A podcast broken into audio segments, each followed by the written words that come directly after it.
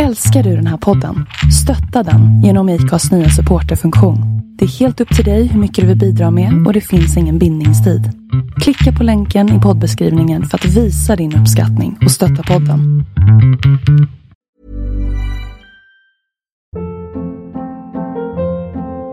Hold up. What was that? Boring. No flavor. That was as bad as those leftovers you ate all week. Kiki Palmer here, and it's time to say hello to something fresh and guilt-free. Hello Fresh. Jazz up dinner with pecan-crusted chicken or garlic butter shrimp scampi. Now that's music to my mouth. Hello Fresh. Let's get this dinner party started. Discover all the delicious possibilities at hellofresh.com.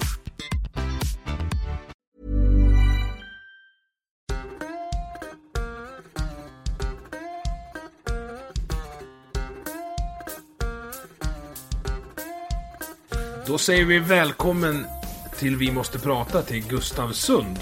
Tack så mycket. Tack, tack. Eh, som, be, som presenterar sig själv som skolgårdslärare. Det stämmer, det stämmer. Eh, och har en, en, en, stor following på Facebook just under skolgårdsläraren Gustav Sund. Precis. Och eh, jag har sett lite av dig, men du skrev bland annat en...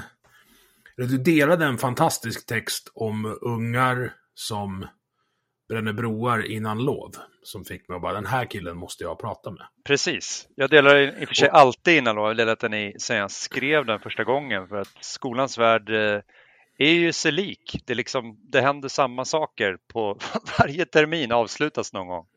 Eh, mm. Så att jag tycker att den är, den, jag kommer nog alltid dela den så länge jag lever tror jag. Ja, det kommer jag med från och med nu. Det verkar behövas, tänker jag. Så är det. Men vi, vi backar tillbaks. Mm. vem är du? Jag är 41 år gammal, förstelärare i fritidspedagogik på en skola som heter Glömstaskolan i Huddinge kommun. Jag har tre barn. Jag bor här i Huddinge. Och har jobbat du... i skolan sedan 2003. Så 17 år är det nu. Har jobbat. Ja, det är fantastiskt. När någon säger 17 år sedan då tänker man så ja men det var typ 95. Fast det Precis. är det inte längre. Precis. Eh, trivdes du i skolan när du gick i skolan? Var det en självklarhet att, att uh, stanna kvar så att säga? Eh, alltså jag var ju så här, jag var ju lite jobbig som unge för att jag var både rapp i käften, smart och gjorde lite som jag ville och var jävligt snabb. Och hade ju väldigt bra betyg också. Så att, ja, Ja, men jag kom bra överens med de lärarna som förstod mig tror jag och vissa tyckte jag bara var asjobbig och såg mig som ett hot i klassrummet eller någon som liksom ifrågasatte saker och frågade saker på fel tillfällen och så här. Så att... Jag relaterar till allt utom de höga betygen. Ja, nej, men både ja och nej tror jag. Alltså, det var väl lite... Jag kommer ihåg att det var ett lärare som deklarerade för mig att jag ibland fick straffbetyg för att de visste att jag kunde mer, men jag bara la mig på en bekväm nivå. Liksom. Uh, och sen var det lärare som liksom, ja, träffade eller så här, som hör av sig så här, hört av sig i efterhand och så här, ja, men hur, hur har det gått för dig och sånt. Så det är highs and lows liksom. Mm. Uh, men ja, Nej, men jag tog, tog, tog mig igenom det. Tog mig igenom institutionen som min farsa brukar kalla skolan. Ja. Eh. Gick, gick, du direkt från alltså, gymnasiet till uh, högre lärarstudier och sen tillbaka till skolan? Eller, eller, eller har du jobbat på riktigt, höll jag på att säga? Nej, alltså jag var lite så här, eh, jag bodde i Västervik då och sen så insåg jag att jag, jag hade någon tjej och så skulle vi flytta till Västerås tyckte hon och sen så flyttade vi dit och då var jag tvungen att ha någon försörjning och, och så här, Så då, då läste jag pedagogik A på Örebro universitet och sen så tyckte jag att det där verkar jävligt spännande. Alltså. Eh, mm. Jag vet att min farsa sa till mig sen inför jag skulle, han tyckte liksom att ja, men det är klart jag ska plugga vidare. Liksom. Men då sa han stryk allt skit du inte gillar, liksom. stryk, stryk allt det och så ser du vara kvar. Liksom. Och sen så mm. blev det väl det kvar och sen så eh, gjorde vi slut, jag och den här tjejen och då sökte jag väl lite på måfå och så kollade jag lärarutbildningar och så fanns det något så här. Jag kom ju in på, nu ska vi se, SO-lärare eh, och eh, lärare i fritidshem eller fritidspedagog som jag är då och eh, fick litteraturförteckningen där. Då var det fem böcker om stenar om man skulle bli SO-lärare som man skulle läsa. Då kände jag att, ah, fan. Jag vill inte igenom alltså, fem typ böcker. Geolo geologi och grejer? Jag vet inte. Det, det, det, det verkade bara så här, men det här fixar inte jag. Men lärare fritidshem eller fritidspedagog, barn och ungdomspedagog, verkade jävligt kul. Så, så då ringde jag kompis och bara, hej kan jag bo hos dig i tre år? Ja men när kommer jag? Jag kommer imorgon. Ja men visst, kom. Och sen bodde jag där. Sådana kompisar ska man ha många av. Ja, absolut. det är rätt bra. Det, det, det där är, ja. Alltså du låter lite, du, jag, jag känner igen mig mycket i det du säger. Ja. Det låter, du är lite liksom spretig, kan man säga det? Det kan man säga. Det skulle nog andra säga om mig. För ju, just Hög det din energi. pappa sa, ja, just det din pappa sa där, Ja. alltså skit i det du, du inte är intresserad av. Ja. Den möjligheten finns ju bara när du kommer liksom upp på högskolenivå egentligen. Absolut. Absolut. De spretiga grabbarna, och så här, jag, jag brukar hålla mig till grabbar för det är de, det är de jag begriper mig bäst på. Mm. De har ju inte det alternativet i högstadiet där det kanske börjar eh, Alltså där, där en eventuell ADHD eh, dyker upp, alltså när hormonerna kickar in. Nej, precis. Eh, men det är väl lite därför jag har valt att infiltrera skolan genom fritidshemmet som då råkar befinna sig Vi är en egen skolform, men vi liksom samverkar och tillhör skolan på något sätt. Så att, men det här mellan 8 och 2 som kallas skoldag tyckte jag väl var så halvkul. Eh, så jag började för tio år sedan och gick ut på tänkte att skolgården, där är det ingen som kan komma och säga åt mig vad jag ska hitta på, utan men jag kan det fältet. Jag kan liksom ungars informellande var, varande väldigt bra. Så att, eh, ja, jag tänkte att här ska jag bygga en verksamhet. Och min rektor skrek av lycka. Hon bara ja, för det var ingen som ville ha den biten. Liksom. Men vi hade pratat om någon utepedagoger, men alla bara tittade ner i marken, du vet, lite som så här när det är föräldramöte, bara vem kan vara, vem kan vara ordförande eller så här, vem kan skriva protokoll eller vem kan bli klassförälder? Alla bara så här zonar ut. Mm. Lite den. Tok osynliga. Ja men typ. Eh, Så jag och en kollega gjorde det för en, snart 12-13 år sedan. Så vi bara startade upp och sen gick det ju jävligt bra. Liksom. Vi tog första lunchrasterna och byggde upp en verksamhet och en liten bod på skolgården och började låna ut grejer liksom, och hålla i aktiviteter. Och framförallt så var vi ju där. Det var ju samma personer där varenda rast. Liksom. Mm. Vilket var jävligt tryggt för ungarna. För när jag, alltså, det hette ju rastvakt när jag gick på eh, mellan och högstadie. Exakt. Och det var ju, det var ju oftast en liksom lärare som Ja. var ut, uttvingad på rasten. Alternativt någon sån som jag blev eh, tio år senare, någon arbetslös 20-åring. Ja, men som, som fick spela innebandy med dem. Samma begrepp som man använder för internerna på så här hall. Man är vakt Mm. på, på en rastgård. Liksom. Det är ju så sjukt. För att det är en pedagogisk verksamhet och det är barn som är små människor som håller liksom på lär sig allting om hur man ska vara som människa och testar det väldigt mycket. Eh, så Mm. det är ju den, den platsen och den arenan där liksom alla de här eh, som kallas för värdegrunden och sånt omsätts. Allt det som står i, i både läroplan och, och skollag. Det omsätter ju ungarna. Inte så jättemycket i klassrummen, men de omsätter ju på rasten, vilket jag märkte ganska Mm. tidigt. Eh, så att säga. Så att det, och det var ju, jag upptäckte ju massa saker väldigt tidigt där, att det finns ju om man säger så här, i, i skolbyggnaden i alla olika sammanhang så är det ju någon som har mandatet, liksom. det är oftast en vuxen. Så där. Men, men på rasten så är det ju inte riktigt så, då är det ju inte de snälla barnen som liksom äger mandatet. Så, här. så att, eh, det återtog jag väl lite ganska snabbt där. Det tog ju, svårast var ju fotbollsplanen, det tog ju liksom tre år eh, att få Mm. mandat där. Men, jag inser att det, det, det största behovet av liksom, eh, tydliga, trygga vuxna är ju på, på skolgården. Eh, och kommer alltid vara, har nog alltid varit egentligen. Men, eh, men så att jag började jobba där helt enkelt och fortsatt med det.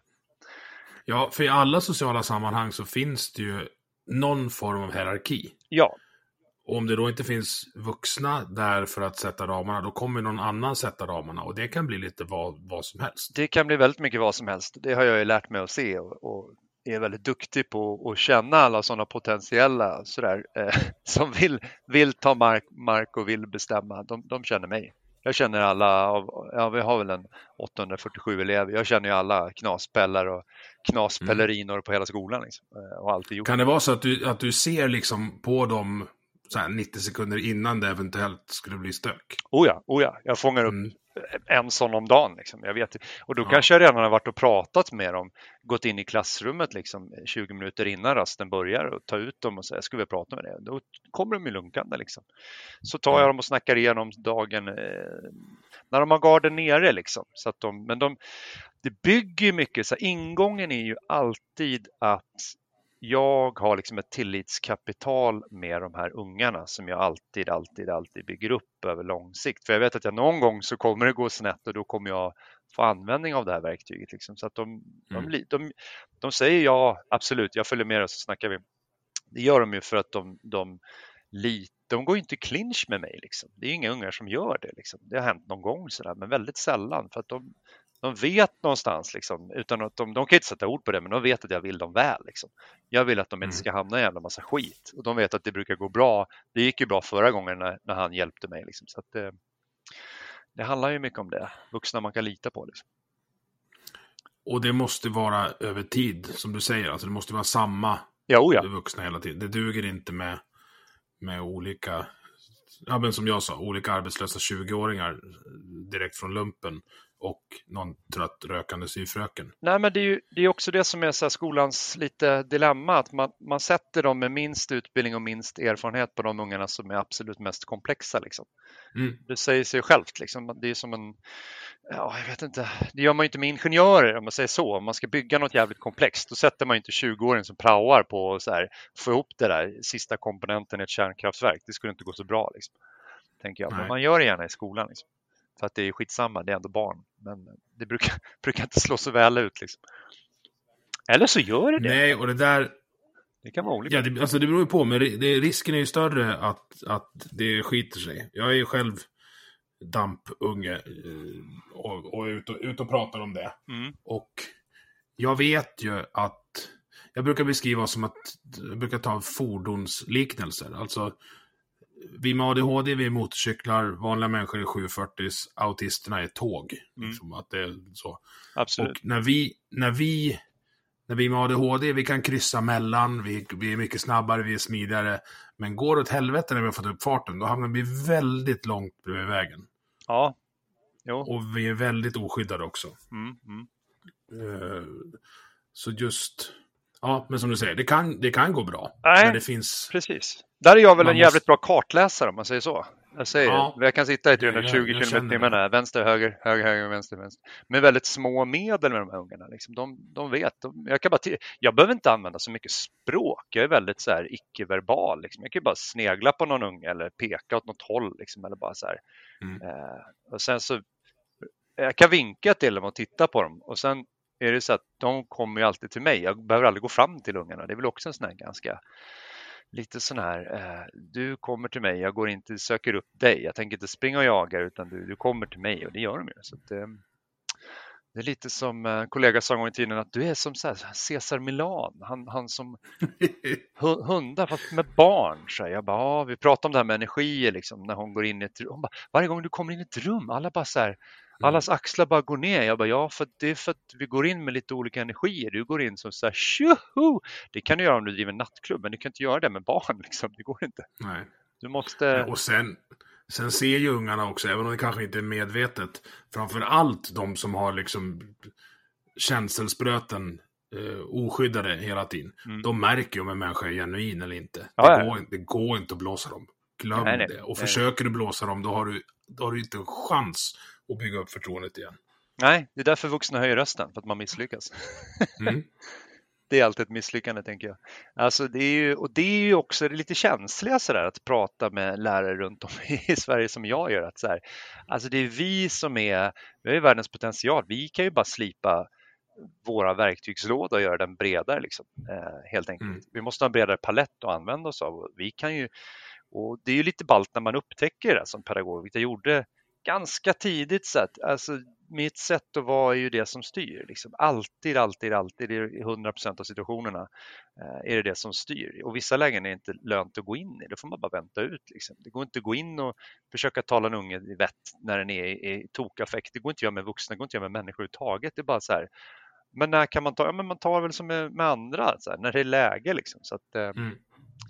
nej, det, mm, Och har man då byggt upp, det här pratar jag med förä- föräldrar också, att, ja men som, som i lumpen, en plan gör du när du är varm, trygg och torr. ja, Inte när det liksom börjar flyga kulor runt huvudet. Då är, det, då är det fel ställe att börja planera. Då ska det bara, då ska det bara genomföras. Ja. Så sätt er med barnen hemma, prata igenom. Det kan vara efter att det har gått åt helvete någon gång. precis. Och så här, nu vart du så här arg igen. Hur vill du att jag ska göra när du blir så arg för att vi inte ska behöva byta dörr i köket igen? Precis.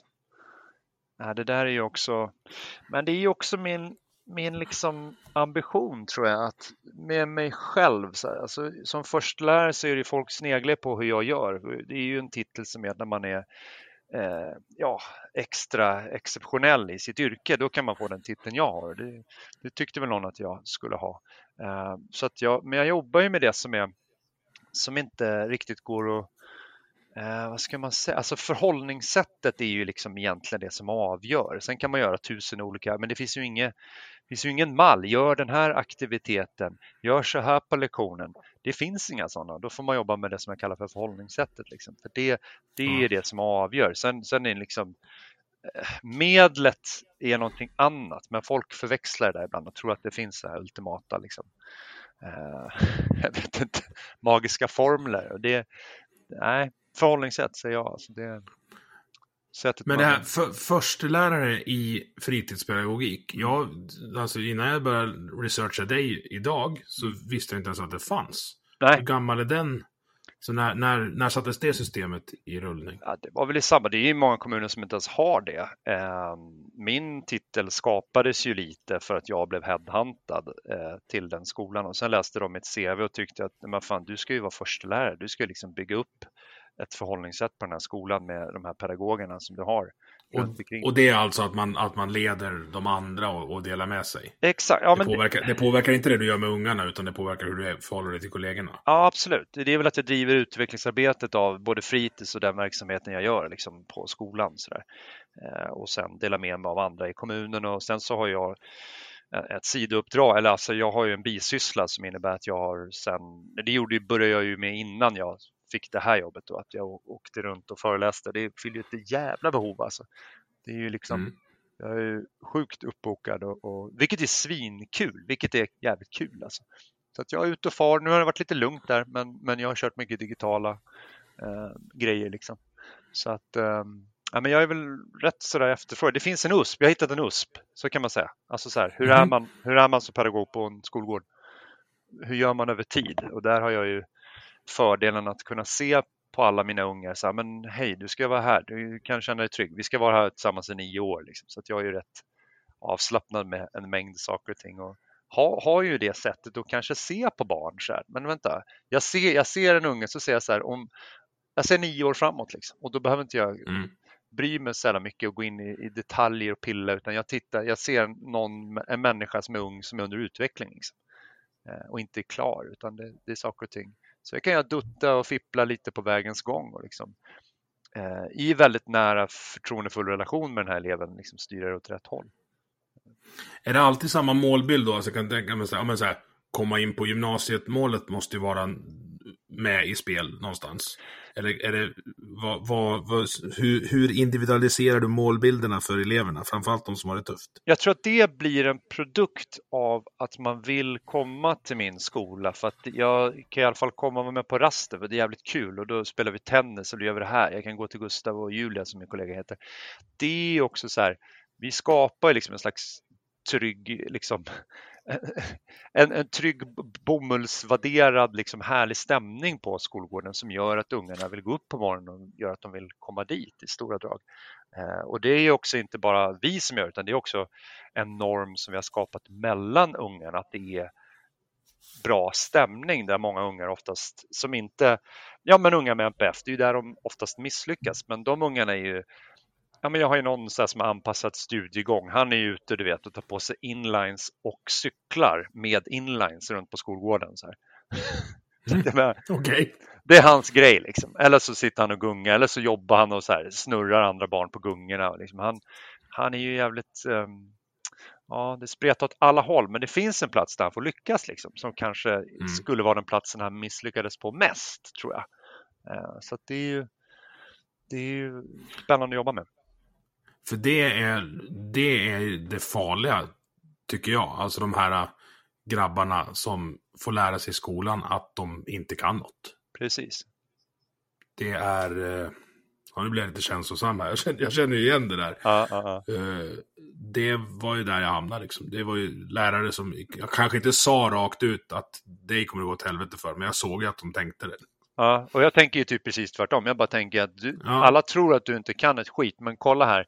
Sen är jag ju bra på att se, för många unga med NPF har ju också jävligt bra alltså kroppsgenetik. De är duktiga, men de får inte höra det för att skolan är så liksom endimensionell. Liksom, att det, är så här, det handlar Mm. om att sitta still på en stol och plita ner någonting på ett papper. Men jag, menar, jag kan jobba med helt andra saker med så här, gymnastikmattor och men jag hade ju senast nu en unge som är he, helt bananas, men liksom alla stod och hejade på honom när han åker ner. Eh, han åker snowboard. Jag har en, köpt på loppis en snowboard. Han var den första som klarade att åka ner för hela backen men på snowboard. Du vet. Han, det var hela backen skrek. Alla barn bara skriker liksom. Och så han Mm. vart ju så här, han är ju sån som alltid låter. Han vart ju så här helt röd i facet och vart lite så här. Var inte van att få så mycket bra positiv feedback från alla kompisar i olika stadier. Men det, det kommer ju han bära med sig. Liksom. Det, det, det gör att han vill, han kommer ju alltid tillbaka till mig. Då. Det är sådana ungar. Får- Får man dem att lyckas och känna sig jävligt så här, eh, bra, duktiga och kunniga som människa, kompetenta, då, då återvänder de. Liksom. Mm. Eh, och det är bara att jobba med. jag- och, och sådana ungar, alltså så här, vi har ju inte pratat innan vi satte på räck här, ja, i två minuter och testa ljud. Mm. Men jag ser ju den här killen framför mig. Jag känner ju igen, jag har ju, har ju också sådana ungar. Nu jobbar inte jag i skolan längre, men, men jag, vet, jag vet vilka de är.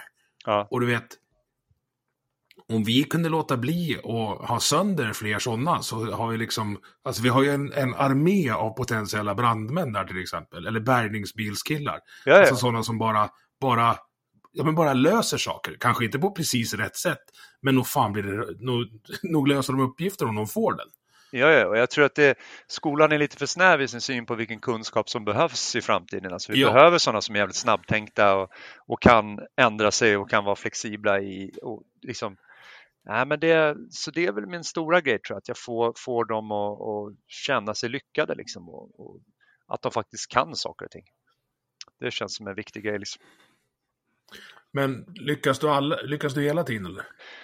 Nej, man går väl på några nitar ibland sådär, men då, då slickar jag väl i såren kanske lite grann och sen så tycker jag det är hela tiden i det är väl lite självförvållat, i och med att jag hela tiden är på jakt efter sådana ungar som inte funkar så blir man ju rätt bra på, på, på att Alltså jag har en jävligt stor verktygslåda för sådana. Liksom. Så det, vissa Mm. har ju tänkt så här, man går hem och bara, fan ska jag få, hur ska jag få den här ungen att tycka, tycka om eh, mig eller liksom, tycka att jag är en bra person? För då tycker de att jag är en bra person, då kan jag börja jobba, men jag kan inte börja jobba om vi inte tycker om varandra. Liksom. Eh, Nej. så att det, det, där har jag väl lyckats många gånger där jag inte tror att jag ska lyckas liksom, över tid och, och väljer olika strategier och går och pratar med dem när det är lugnt och liksom så här. Eh, jag tror att det här att jag inte ger upp liksom. Det är en viktig, man får hitta någon form av konsensus till slut liksom. Eh, Mm. Där man börjar sakta och det är ju, ja, jag har väl varit en sån unge själv där man är jävligt taggig mot vuxna liksom. Man har en jävligt så här, Ja, man har mycket taggar. Man vill liksom inte lämna mig. Fast man egentligen vill där innerst inne att någon ska bry sig. Liksom. Men man visar det på ett omvänt sätt och det kan jag liksom lite någonstans se igenom. Jag är rätt bra på att så här, med någon form av fingertoppskänsla vänta ut det där. Liksom, och så här. Sen, sen kommer ju de och söker upp mig och pratar med mig. Och då kan jag vara lite så här, låtsas vara lite avvaktande. så att det är ju ett liksom ett mänskligt spel mellan, mellan eleverna och mig. Men framförallt är det alla elever som, som är runt, för det är det ju alltid. Jag menar 89 procent är ju ganska normalfungerande och normalfuntade. Men alla de ungarna ser ju att jag kan jonglera sina ungar med en hand. Det är ganska starkt har jag tänkt på på senare tid att så här, ungarna är ju trygga med mig för de vet att jag kan hantera även den där knaslisan eller den där knaspellen och är, är, är liksom trygga med det och det skapar i sig en jävligt stark trygghet tror jag. Att man är en liksom, lugn och tydlig ledare för alla ungar på något sätt. Mm. Men hur ska vi få en sån till dig, som dig till varje skolgård då? För det känns som att det skulle behövas. Ja, det är väl lite det jag håller på med. Det är därför jag är ute och föreläser. Jag håller på med det i säkert en sex år, fem, sex år. Eh, det jag pratar om är liksom genomgående två timmar. Hur ska vi som vuxna förhålla oss till barn på skolgård? Liksom? Hur, och vilka unga finns det? Och jag pratar liksom lite, jag går inte in på diagnoser, men jag pratar lite typ unga. Liksom. Ni har alla en sån här unge, ni har alla en sån här unge. Så här. Den här ungen gillar liksom förutsägbarhet, den gillar tydlighet, den gillar att veta vad som komma skall. eh, då kommer den tillbaka. Liksom. Och, ja, nej, men det, jag gör väl mitt där kan man säga. Eh, Mm. och bevisligen det, så... alltså, ja, Där är det ju spretigt, för som du säger, det är olika typer av ungar. För det du beskrev nu, Mm. det är det värsta jag vet. Mm. Alltså en sån dag, vill, så här, vet jag vad som ska hända, då blir det ju tråkigt. ja, ja, ja. Så, så min, min stam får man ta hand om på andra sätt. Jag tror att ramverket är viktigt, att det är liksom, man vet vad så här, men jag kan gå dit. För de här ungarna, om, om jag ska vrida lite på det och bara säga så här, en, en som du som tröttnar, det, det är väl mer så här, det kommer inte fucka upp igen för mig, utan jag kan så här, gå dit, jag kan vara med på det där. Fan, där får jag Mm. inte stryk, eller där hamnar jag inte och slår någon. Det är väl mera det. Att jag tycker att det är jävligt viktigt för att bygga en verksamhet som, som är liksom inkluderande där det finns sammanhang där man bara vet så här, men jag kan gå hit och för finns det ingenting, det är oftast det där tomrummet och de här mellanrummen som det är där skit händer liksom. Ja, tråk, tråkighet är min utlösande faktor för att det ska bli skit, eller vad. Ex- är. exakt. Det, det, Men tänk att du går in på Gröna Lund. Du går ut som barn och så ser det Gröna Lund. Så är ju min skola Mm. varje dag. Det finns alltid något Det finns tre, fyra, fem grejer att göra som är jävligt kul. Eh, och Ja. ungarna är ju, de springer ju som målsökande missiler till allting. Eh, vi, liksom, vi går ut en timme sådär och liksom förbereder och bygger olika miljöer, gör olika grejer som vi vet så här, det här, nu kommer de fastna här. Det är lite kul när jag har studiebesök för då förklarar jag så att nu kommer det, 30 unga kommer springa dit, det kommer springa 25 dit, det kommer springa tre där. Här kommer det vara en knasig unge som, kommer, som ni kommer se vem det är direkt. Men han kommer tycka det är skitkul för han vet vad han ska göra. Han kommer stå vid den här Mm. stolptennispinnen och, och köra tennis. Liksom. Och där kommer jag vara lite nära. Alltså det är ju lite kul för det blir som ett skådespel. Det är det jag menar med att det, det är tryggt för dem att man känner igen sig, att det finns saker och ting. Men det finns ganska många olika saker att göra och det är lite under förändring hela tiden. Så där. Det puttrar på. Det finns en balansgång mellan liksom, utmaning och eh, trygghet. Liksom. Jag känner igen ramen, men det förändras inom det. Det attraherar väldigt många ungar tror jag. Så att, mm.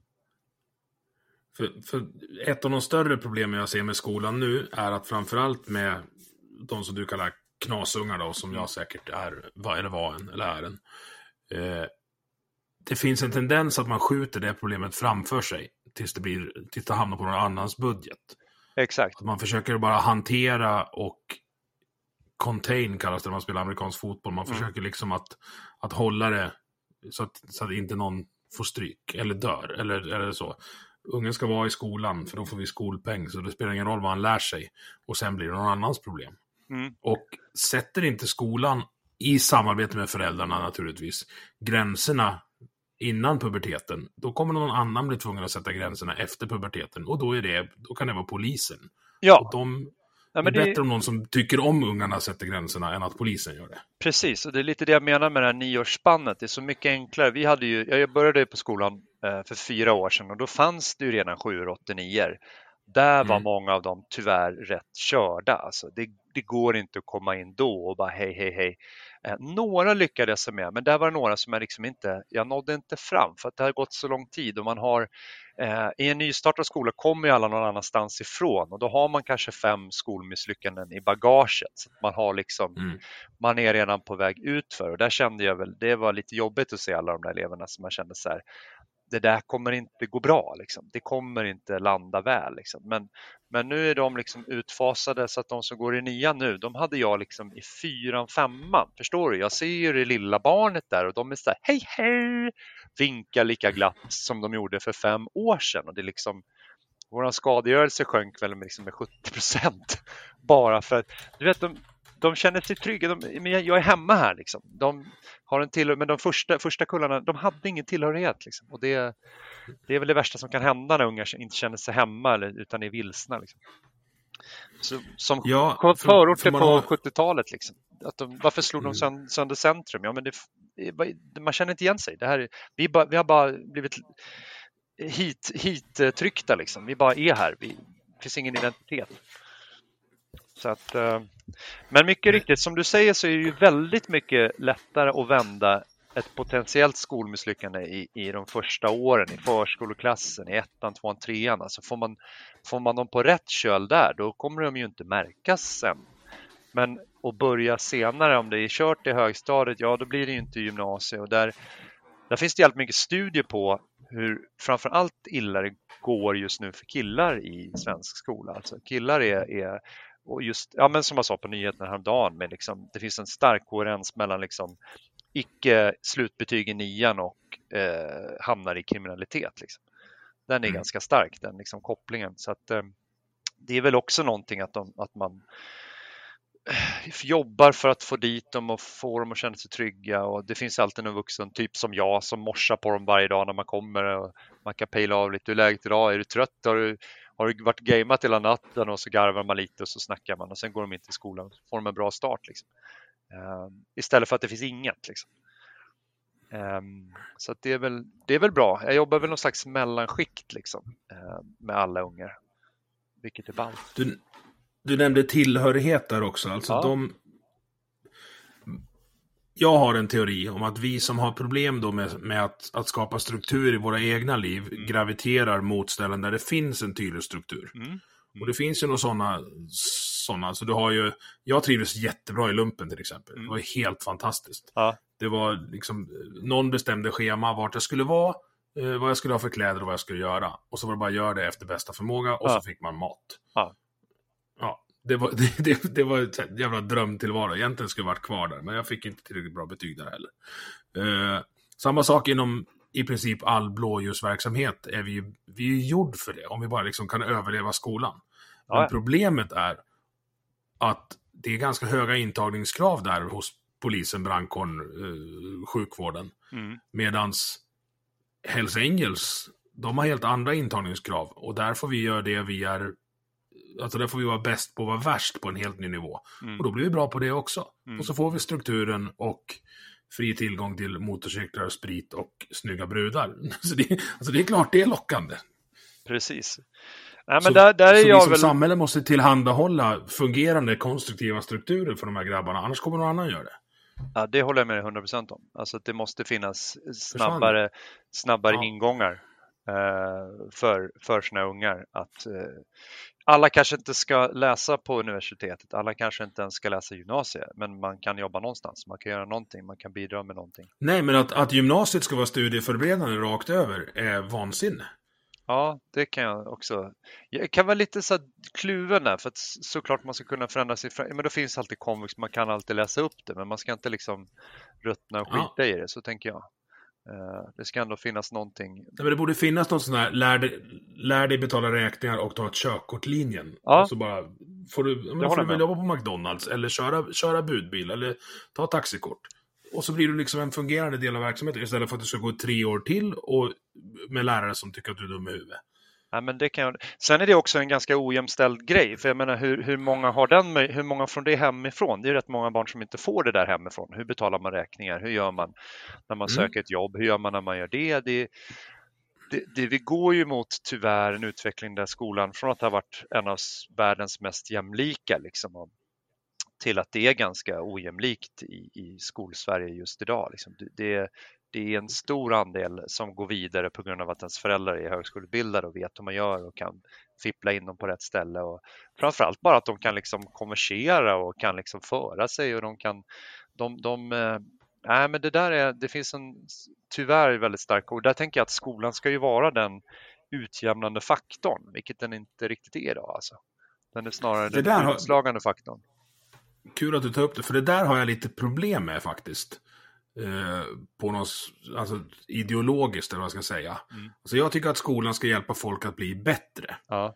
För är, är det så att den ska vara utjämnande, det betyder ju att de som har det lätt för sig får en sämre utbildning än vad de skulle kunna ha. Ja, ja, ja. Nej, dåligt begrepp. Det, ja, jag backar där ja, det jag tycker, jag, jag. Ja, det är inte ditt, det står ju i läroplanen också. Det, det, det är ja, det som är nej. problemet. Alltså låt dem som är smarta bara läs så mycket ni kan. Åk ja. och ta Nobelpris. Anställ mig. Det är lugnt. Det, det, behöver inte vara så att alla, alla ska inte få samma utkomst liksom. Mm, mm. Nej, men det finns ju en, en, väldigt fin formulering som, som är så här att man ska hitta sin unika egenart och, och därigenom eh, eh, ja, någonting fint. Men jag gillar det här med den unika egenarten, att det är skolans uppgift att varje unge ska, ska, man ska få någon form av orientering till, till när man kommer ut på andra sidan. Så här, men det här mm. verkar, jag, det här verkar passa mig. Men eh, den ramen, ramen är ju snävare samtidigt som tjejers betyg blir, blir bättre och bättre. Det ser vi ju inte så mycket av tyvärr i samhället dock, men det är ju liksom normer som styr det. Eh, men, men just, just nu så är jag nog mest orolig och forskningen kring det är nog mest orolig kring killar liksom. Vad mannen, mm. liksom, vad, finns det någon plats för mannen? Jag menar ett utanförskap kostar ganska mycket pengar. Eh, det kostar väldigt mycket pengar, mycket mer än att ha en, en vad ska jag säga, förstelärare på skolgården. Mm. Alltså det är, det är sjuka summor vad, om, vi, om det skulle liksom skita sig riktigt, vad HVV-hem och, och fängelseplatser kostar. Ja, bara hemmasittare eller sjukskrivna som vi börjar få. Ja, ja. Liksom, eh, eller folk som inte jobbar. Det... Ja, folk som inte jobbar. Ja, det, det kan hålla med.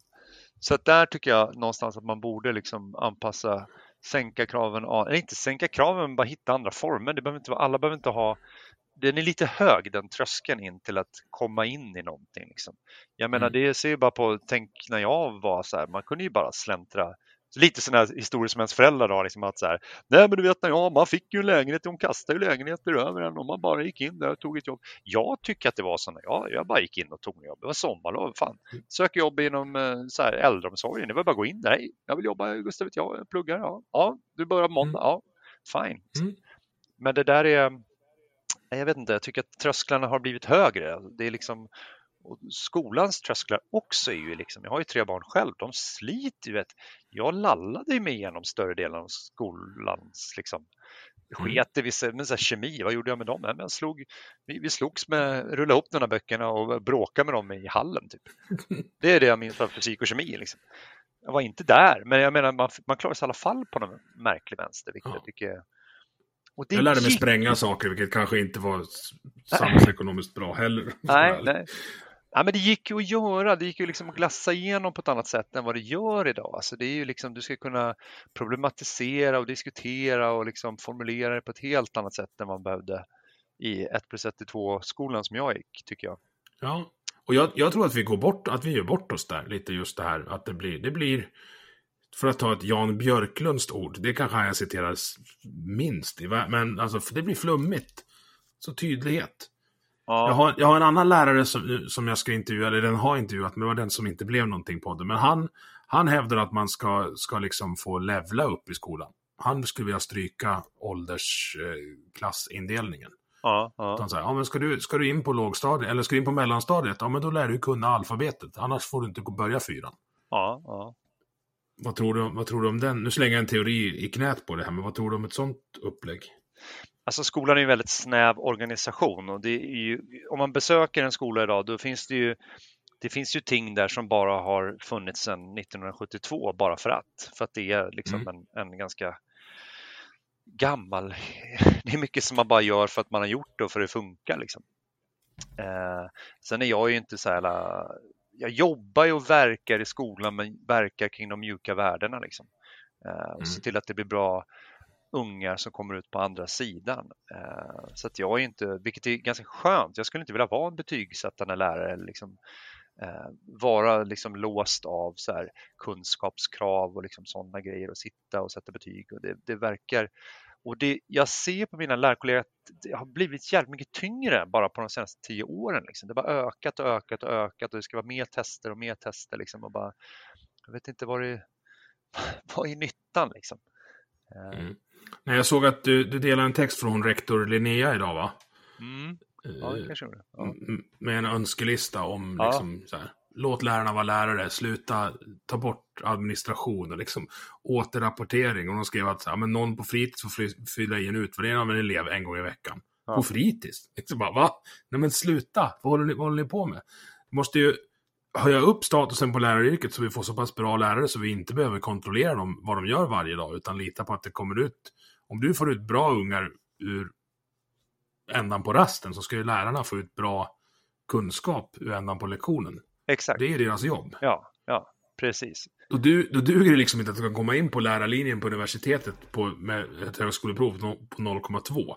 Jag är skeptisk till om det blir bra då. Ja, men jag tycker det är lite så här av professionalisering tyvärr, när man måste gå in och styra och mäta och liksom göra för mycket sånt. De har ju tagit bort, i sneglar, jag snackar inte om Finland, men Finland är så här, men det är ett land där de har väldigt hög status, alla som jobbar i skolan. Eh, mycket på grund av att lärarna har en jävligt hög autonomi och det är svårt att bli lärare. Du liksom måste plugga i fyra, fem år. Det är, mm. det är svårt att komma in men då får du ju bäst av det bäst. Och, och, och de har samtidigt eh, en av världens liksom mest jämlika, det spelar ingen roll om, om, vilken kommun du söker till i Finland, det är ungefär samma meritvärden så, alltså runt, runt om i Finland. Men som man kollar på Sverige, då finns det så här, det kan ju liksom vara dubbelt så mycket i snittbetyg om du är i den kommunen eller om du är i den kommunen. Liksom. Så det, det, mm.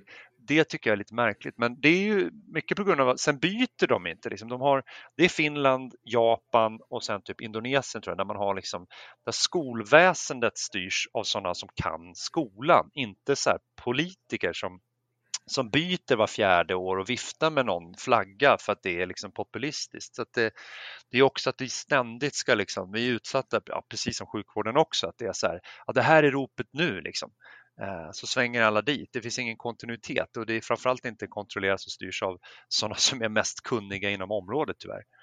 Vilket jag kan tycka är lite där behöver man snegla mer på sådana länder som, men fan hur har de lyckats? Ja men just det, skolan får, det, det handlar inte om det, om det är rött eller blått som styr hur skolans väg tar liksom, utan det, det är mer att skolan, skolan håller sin linje och är liksom, don't touch it, liksom. låt oss vara i fred. Mm. Låt oss göra bra, bra översikt liksom. i och med att vi jobbar i så långa liksom, 20-årsspannet med utbildning liksom, och ungdomar som blir större så nej, jag hamnade på en grillfest på en ö med en finsk lärare en gång. Mm. Uh, en jät jättetrevlig tjej i 55-årsåldern. Och så, ja, vi hade druckit lite vin och så började vi prata om just, jag pratade om mina föreläsningar och hon pratade om skolan i Finland. Och så till slut sa hon bara, Emil, vet du hur vi gör? Nej. Bara, nej. Nej, vi lägger oss fem år efter Sverige, för ni experimenterar hela jävla tiden. Och sen plockar vi in det som har funkat för er. Exakt. Ja, men de är, jag säger det, de är lite Ja, det är spännande land alltså, Finland. Alltid lite bättre. Ja, alltså de, så här, jag, jag, min, min teori är att de tvingades bli vuxna under andra världskriget medan vi slapp det. Så vi är i puberteten nu. Ja, men alltså, det är också det man säger. Jag såg på men det var Ekonomibyrån när de pratade om så här, världens mest välmående folk. Ja, men i finnar. Man bara Finland.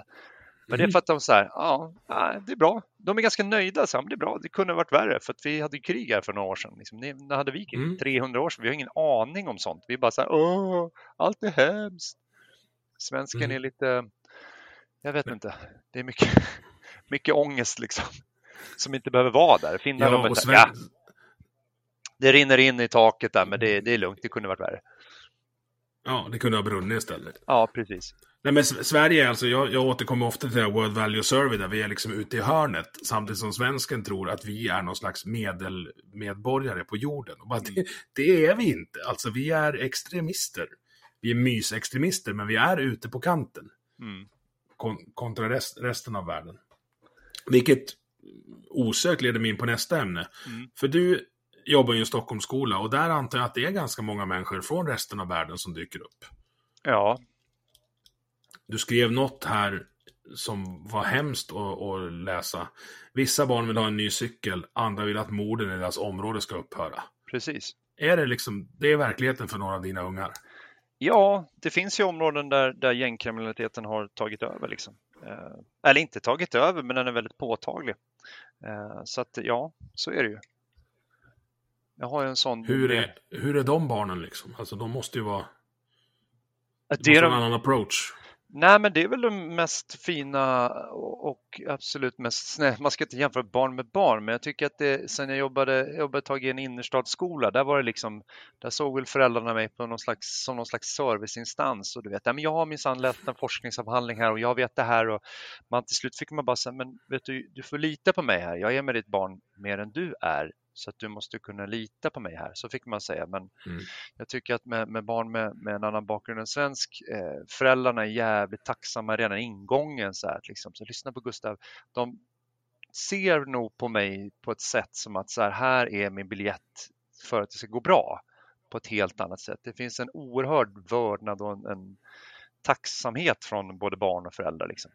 Eh, sen har vi en mm. del nyanlända också som svassar omkring och kommer in där och liksom det, det är kul att få in dem fort på skolgården. De, de kommer snabbt in. Det första man gör när man är liten och kommer till ett nytt land är att man lär sig inom lek. Liksom. Där, är ju, mm. där finns ju jag i det och får in dem jävligt fort eh, och förstår grejer och de får ett lånekort och kan låna grejer och kan leka och jag ser att de, det mår de ju jävligt bra av. Liksom. Och sen, ja. sen går det tre år, sen så bara, just det, du är där, därifrån ja, så pratar de perfekt svenska. Liksom. Det, det, går fort, det går fort för dem, vilket jag tycker är ballt.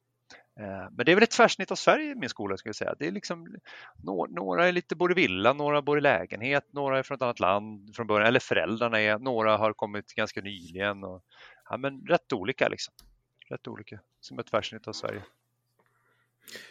Hur ofta får du förklara, typ det du har gjort idag, vad du, vad du gör för föräldrar? Du sa att det var, kom någon innerstadspappa med någon studie där. Men jag kan tänka mig att så här, man på rasten sköter väl sig ungarna själv, attityden finns kvar. Så trodde jag det var. Nej, alltså jag tror att väldigt många av föräldrarna på min skola, jag är väl kanske den mest välkända personen tror jag på min skola. Eh, i och med att jag har fått pris tre gånger och sådär. Så att det är ju, de är nog väldigt stolt. Många följer ju mig också och gillar hur jag skriver och, och liksom eh, läser mina texter och jag skriver också våra veckobrev och så. De, många vet exakt vem jag är för att deras unge vet exakt vem jag är liksom. och alla unga vet vem jag mm. är. Eh, så att jag har ju sällan behövt förklara vad jag pysslar med. Snarare kan jag stå och berätta lite så om grejer vi gör. Och, för, nej, men de tycker nog att jag är ganska fantastisk person för deras barn. Liksom. Eh, så att det, nej, men det var lite på mitt förra jobb tyckte jag att det fanns en annan en annat sätt att se på, på skolan som en slags Ja, men du vet, någon slags serviceinstans som banken eller så här, som ICA. Liksom. Att man säger, ja ja. Mm. Uh, du lämnar in en sak och för att skulle få ut en annan i andra änden. Ja, absolut, absolut. Uh, här är de mera liksom nej, men väldigt mer chill om någon har ringt. Jag var ju så orolig om någon ramlade och slog som mitt förra jobb kunde vara ibland. Liksom. Så det var så här, ja men hur kan ni som skola tillåta? Och jag funderar mycket över sådana där grejer, för jag jobbar ju väldigt mycket med att barnen ska få vågas grejer, liksom. alltså bygga självkänslan både liksom mentalt men även fysiskt. Liksom. Så att det är många barn som börjar i vår skola, de slår sig rätt bra så här, första två, tre mm. veckorna. Sen så gör de inte det. Liksom. Eh, för att vi, har liksom, vi tillåter ju helt andra saker. Det, det är ju, åk till en grannskola liksom, tre kilometer bort som är så här, där har de massor med regler. Så här, nej, de får inte göra volter och får inte klättra för högt. Och de får inte... Vi har inte så många inten. Liksom. Vi har mer så här, klart du ska göra det, prova det. Eller så här, hur tänker mm. du nu? Ja, men jag vill prova det här. Ja, men hur kan vi göra det säkert och göra det bra? För att de, ja, men de åker skateboard, de åker inlines, de åker cykel, så här, you name it. Men vi har väldigt få olyckor. För att de lär sig ju liksom. Det finns ju sådana här, eh, ja men de här säkerhetsförbundet med cyklar, att man, du vet, man åker till någon tom yta där det är koner, ska du zigzacka mellan koner? Våra ungar de zigzackar mellan varandra, alltså de lär sig på riktigt mm. sen när de är sex men det är år. Mycket, det är mycket bättre, för det är, ja. det är det de ska göra när du, alltså, när du övningskör med bil, så övningskör du med bil i trafik. Exakt. Jag har exakt samma, exakt samma sätt att se på det. Så jag menar, när sexåringen kommer från förskolan eller som man säger då, eh, dagis, du, du vet de är sex år, de har varit på så här 80 kvadrat med tre vuxna, så kommer de till min skolgård som är 10 000 kvadrat och det är liksom 800 andra barn. Men det, det första de gör, bara, här är ett lånekort, här är en hel, ett helt förråd, här kan du låna en massa saker. Jag lämnar in det och säger hej, hej, jag vill ha en skateboard. Det, första veckan, du vet, jag, jag kan ju inte röra mig en millimeter. De skulle låna allt, allt, allt, allt och det de älskar är så skateboard och inline så du vet, de ramlar och slår sig men det spelar ingen roll. Sen, sen kan de det där. Vet. De är sex och det, mm. det är vissa skolor som skulle säga nej, men de kan sexåringar får inte göra det och de får, men det är klart. De har ju längtat efter det här. Klart de, som fan de ska få göra det.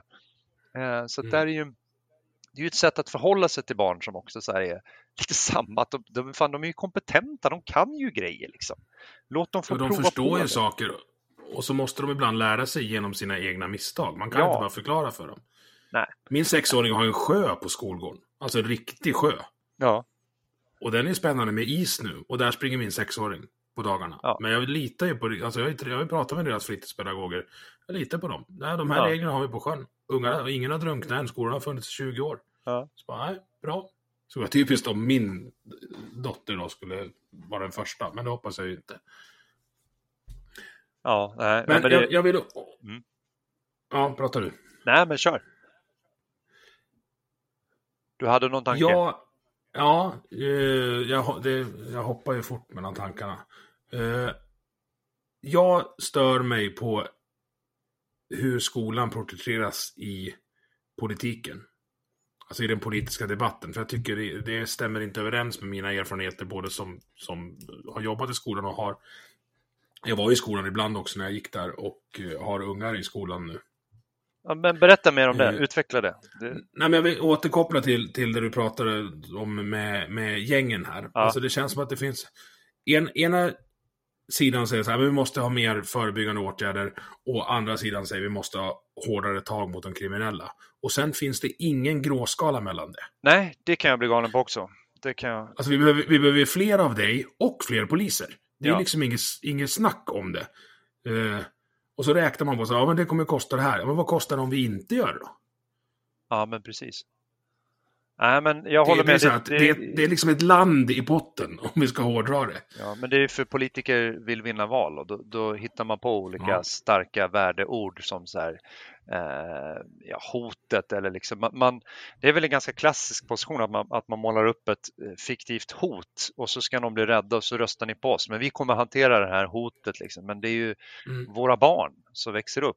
Eh, samtidigt så har vi en skola som man gärna spar in på. Man kallar det för effektiviseringar runt om i, i hela Sverige och det effektiviseras liksom och det slimmas och så tar man bort någon för att det ska gå, budget ska gå plus minus noll. Men, och det görs ju rätt vitt och brett runt om i Sverige. Liksom.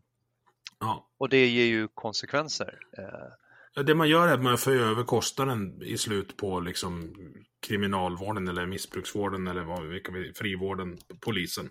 Får ta hand om det som inte skol... Det som, alltså de som du inte lyckas nå, eller de som inte har någon som dig. ja, De kommer ju hamna, någon, någon kommer ju få ta den kostnaden någon annanstans. Ja. Det är fortfarande skattepengar. Nej, men jag kan ju också bli galen på att eh, skolan porträtteras i media av folk som inte jobbar i skolan. Liksom. Och det är väl lite det jag genom mina texter vill återerövra. Liksom, att så här, kolla här, sådana här grejer kan fan hända i skolan och det gör det varje dag. Liksom. Skolan är inte, det är inte utför utan det är en jävligt bra plats. Och jag, tror, jag tycker att ungar fan aldrig varit så snälla som idag och så kan så jävla mycket grejer om allt möjligt. Liksom. Det är ju, Mm. Jag tycker väl att eh, jag menar elakhet och att barn inte är snälla. Ja, men det har väl barn. Den har väl varit konstant liksom. Herregud liksom. I, ibland vill man måla upp samtiden som hemsk, men det är väl också någonting som man alltid har gjort liksom att så här, åh, nej gud, från och med Beatles att det var hemskt att de hade hår. Liksom. Det är allt, Ja, ja, ja. Men pratar om så här fenomen som, ja vad heter det nu då, det här som håller på med, Fortnite och allt. Det kommer alltid något så här, vi får ju moralpanik i Sverige så fort det kommer någonting nytt som är, Mm. är i barns populärkultur. Då är det så här, barnen leker det här. De leker och det är en lek där man så här, jag vet inte vad, he, vad heter det, det heter någonting nu. Squid Game, tänker Ex- du? Exakt, fy fan. Ja. Det var ju, det var ju storm kring Squid Game och jag bara, alltså jag är ledsen men det är barn som har på ett eller annat sätt sett det här. Jag kollade på serien V när jag var liten. Vi lekte liksom serien Mm. V med människor som blev ödlor och liksom. Det är ju inget nytt fenomen men vi kan ju inte, vi kan ju inte liksom skuldbelägga barns eh, sätt att så här, processa saker, för det gör de genom lek. Det är ju inte det som är felet liksom. Kom igen, men vi har ju en tendens i Sverige att få moralpanik över allting och jag är med så här. Jag använder mig ju tvärtom av det. Så här, ja, men okej, ska vi leka den här röda gröna lyktan, då gör vi det. Liksom. Men, Mm. men det är inte, jag säger inte så här, gå hem och titta på den här serien när ni mördar varandra. Det är ju inte det jag säger, utan barnen vill ju leka leken. De har snappat det någonstans. De, huvudet. De sållar ju bara, ja, pang bom, eh, ond, bråd, död. Och jag menar, jag, det, nej, jag fattar inte det där. I vissa Nej. lägen blir det lite väl, kan jag. Det är jättemånga som går omkring och är Sivert Öholm utan att fatta att de är Sivert Öholm. Ja, absolut. Och det, Men att kolla tillbaks på, på vad, vad var du, 41? Ja. Ja, jag är 43.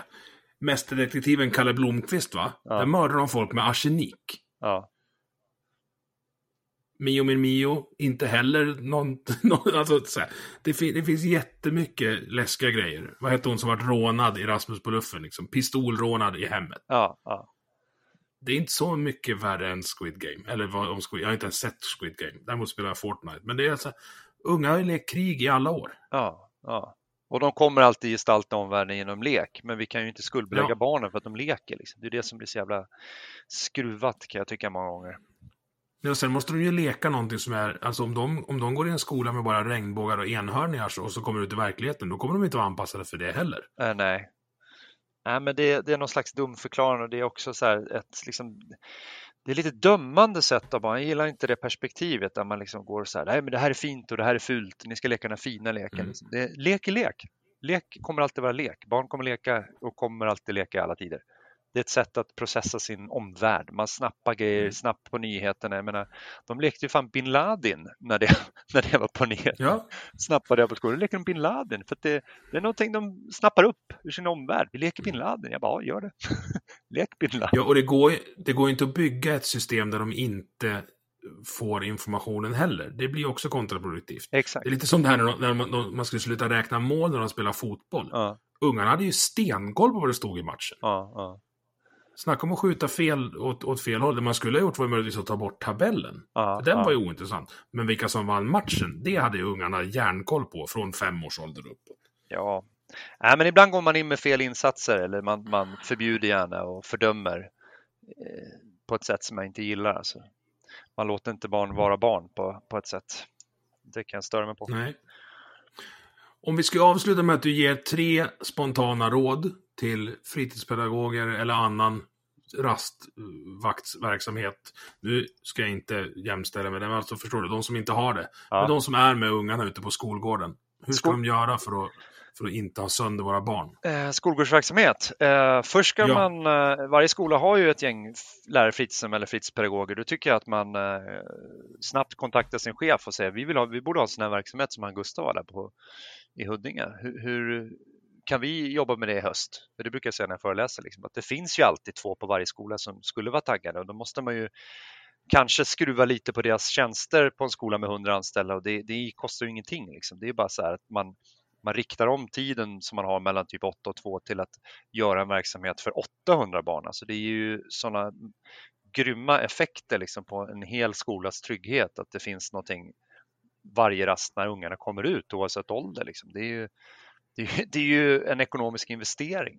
Eh, och framförallt så, jag menar vi har inte några höga poster på materialet. Ja, vi förvaltar alla grejer, liksom, ungarna. vi lär ungarna att ta hand om det. Så det är ju Mm. det är en e- ekonomisk investering på många, många, många plan alltså, att ha en sån verksamhet som vi gör.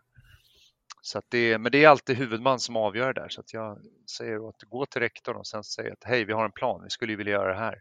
Många rektorer säger faktiskt inte nej, de bara ja, men vi kollar på det. Eh, Men man gör det på vårterminen nu som kommer liksom, så, så kan man snegla på det till hösten. Så brukar Mm. jag säga. Eh, Och det är ju ofta efter jag har föreläst så är det så här, nej men nu har vi startat en grej i Boden här eller nu har vi i eh, Örnsköldsvik startat upp en, jag får ju ofta mejl efteråt så att de har dragit igång och ser Framförallt ser de ju effekten av att här, kränkande behandlingsärenden går ju ganska drastiskt ner direkt första halv, det är det första som händer. Att så här, anmälningar kring kränkande behandling bara boom, det bara rasar, det bara försvinner. Vi, har så här, men vi hade 30 stycken och så efter fyra månader, vi har tre i veckan kanske.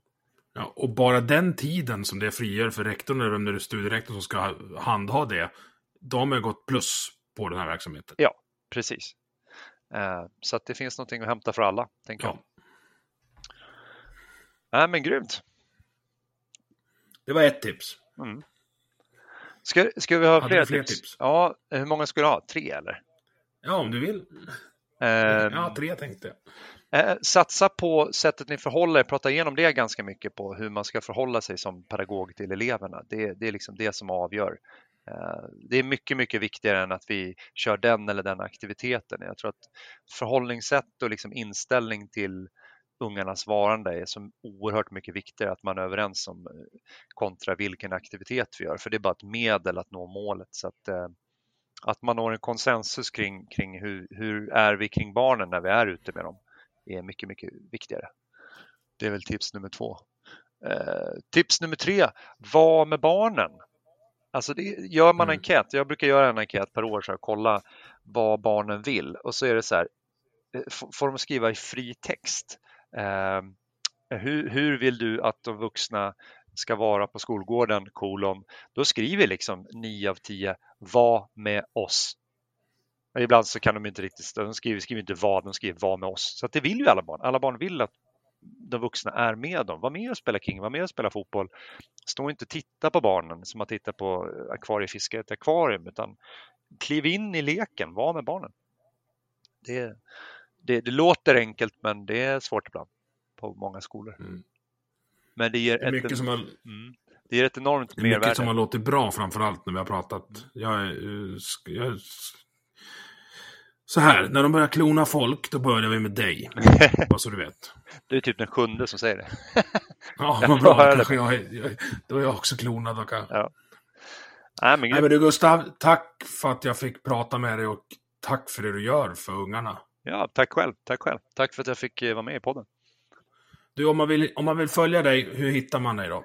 Eh, Jag finns på, både på Instagram och på Facebook. Då söker man på skolgårdsläraren och sen så ser man det. Jag har en Facebook-sida där jag skriver texter och sådär, delar med mig av olika saker. Eh, Så Mm. det är väl bara följ mig på Facebook eller på Instagram. Där heter jag skolgårdsläraren. Att, Och gör det. Bara gå in och gör det. Ni som eventuellt har barn eller är intresserade av att skaffa det, eller att barn överhuvudtaget ska må bra. Följ Gustav och ställ krav på era skolor. tack, tack. Du har lyssnat på Vi måste prata som produceras av mig, Emil Nilsson. Tycker du om det du hörde? Dela avsnittet med dina vänner och på sociala medier. Vill du stötta podden kan du göra det via Patreon där du hittar den på patreon.com snedstreck vi måste prata i ett ord. Eller så swishar du en slant till nummer 123 671 46 79. Vi hörs!